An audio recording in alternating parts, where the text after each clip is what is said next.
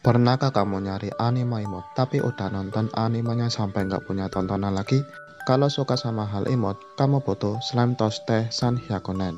Ini adalah isekai yang santai dan pastinya scan anime ini fokusnya sama CGDCT. CGDCT adalah hal yang paling lumrah terjadi di setiap musimnya, tapi anime ini punya visual yang unyu-unyu. Halo semua, senang bisa bertemu lagi di video kali ini. Gak ada yang bisa ngalahin anime CGDCT. Tipe anime ini biasanya fokus sama scan Yuri. Tapi sejak nonton anime ini, gak ada juga yang namanya Yuri. Ya meskipun jarang ada di anime ini. Dan kalau kalian tertarik sama anime mode, kalian harus simak ulasan ini sebelum nonton animenya.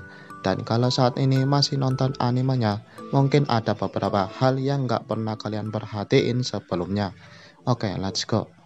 Ceritanya tentang Azusa yang capek kerja, kemudian mati dan direkomendasiin sama malaikat untuk ngasih afinitas atau kekuatan berupa ahli membunuh slime. Tapi Azusa ingin menyangkal kalau yang sebelumnya hidupnya nggak enak, Azusa pengen banget yang namanya kedamaian. Dan roh Azusa ini nancep ke tubuh wanita berusia 17 tahun yang lebih muda dari usia di kehidupan sebelumnya. Tugasnya adalah untuk membunuh slime sesuai judulnya. Dan karena Azusa sering banget bunuh slime selama 300 tahun lamanya, Azusa gak nyangka banget kalau dia sudah overpower. Ini adalah anime isekai yang punya cerita ringan. Kalau kalian lihat dalam setiap episode, kita bisa nebak kalau anime ini bakalan ngenalin beberapa karakter di setiap episodenya. Hal yang menarik lagi adalah dari tingkah lucu semua karakter aku bisa bilang kalau anime ini fokusnya sama karakter lucu dengan visual yang diimut-imutin banget. Dalam hal genre, genre yang pertama adalah slice of life. Jadi anime ini jarang yang namanya komedi. Kebanyakan genre slice of life meskipun di sebelahnya ada komedi, biasanya scan komedinya itu garing banget. Komedi bukan yang terbaik, tapi mari kita bahas tentang karakternya. Di sini bisa kubilang sebelumnya, kalau anime ini fokusnya sama beberapa karakter. Karakter adalah yang paling menonjol di seri ini. Contohnya, kalau kalian dengerin MC utamanya, mungkin kalian juga dengerin MC utama di Kuma Kuma Kuma Bear. Tapi peran Yuna dalam anime Kuma Kuma Kuma Bear diisi oleh Sayu Kawasemaki dan peran Azusa diisi sama Sayu Yuki Aoi. Kemudian yang bisa kuperhatiin dari beberapa episode, si penulis novel ini mesti selalu fokus sama karakter Halkara. Bisa kalian lihat kalau karakter inilah yang bisa ngidupin semua karakternya. Aku bahkan merasa kalau peran Laika, Salsa, dan khususnya Azusa sendiri itu seperti ngilang di peradaban. Bahkan aku nganggap Azusa sudah seperti karakter biasa lagi. Apa karena dia sudah overpower? Tapi Azusa sering dapat peran di setiap episodenya. Jadi, semakin banyak karakter yang muncul, semakin sedikit pula peran karakter yang akan bicara. Maksudnya, nggak dapat peran sama sekali dan hanya dianggap kayak karakter pajangan gitu. Selain karakter yang diutamain, bagian visual juga nyelamatin anime ini juga. Fokusnya sama scan fua-fua dan terkadang sering ngasih beberapa visual seperti mata putih di tengah dan hitam di luar, mulut gergaji, mulut segitiga, dan kalau kita hilangin suara karakternya, biasanya kita hanya lihat karakter ini cuma bilang empam pak. Yang selanjutnya adalah visual yang imut banget dan beberapa Yuri aku rasa. Yuri mungkin enggak. Ini hanya kisah slash of life yang fokusnya sama beberapa karakter di anime ini dan juga visual yang imut. Aku suka gaya seninya, itu seperti ngidupin suasana kalau kita nonton animenya. Tapi bagi yang gak suka sama Yuri, anime ini sebaiknya kalian tonton meski gak ada scan komedi di anime ini. Tapi positifnya, kalian bisa ngeliatin tingkah lucu beberapa karakter di anime ini.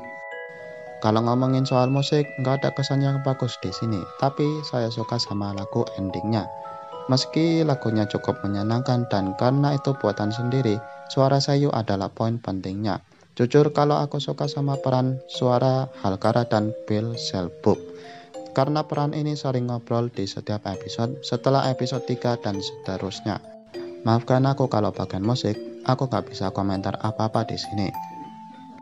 Jadi sejak lihat cover depannya yang saat itu ada Salsa, Valva, dan Azusa, aku ngira kalau itu fokusnya sama adegan emot. Contohnya seperti mulut segitiga dan sebagainya.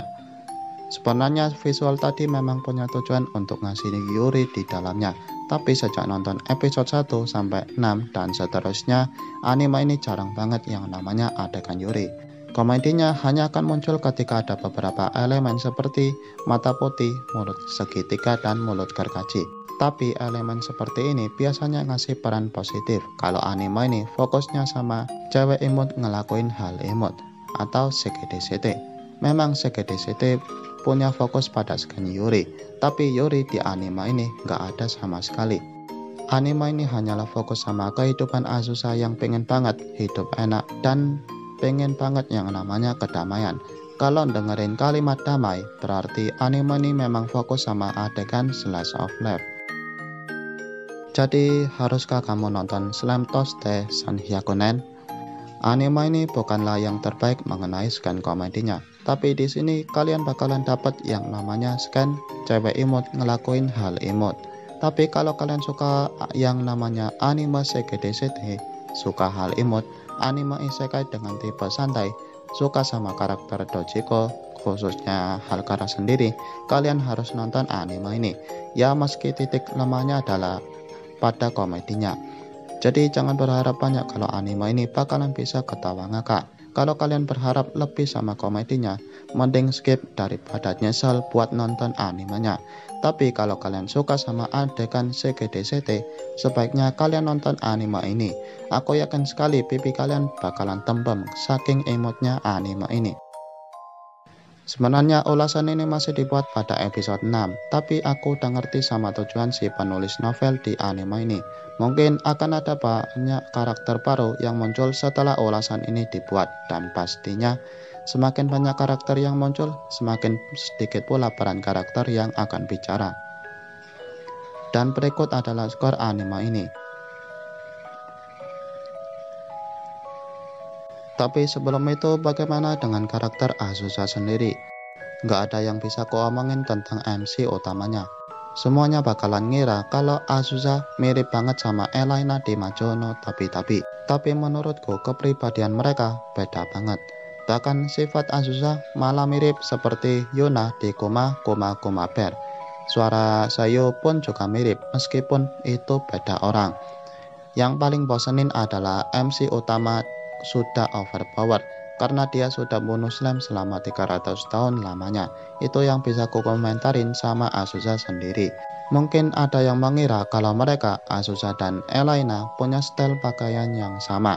Tapi cerita Slam Toste San Hyakunen lebih santai ketimbang Majono tapi-tapi sendiri. Slam Toste San Hyakunen fokus pada hal keimutan, sementara Majono Tabi-Tabi fokusnya sama scan yang serius tapi punya genre yang sama, yaitu Slice of Life. Jadi jangan samakan antara Slam Toste San Hyakunen dengan Majono Tabi-Tabi, karena cerita mereka jauh lebih berbeda ketimbang bandingin kemiripan MC utamanya.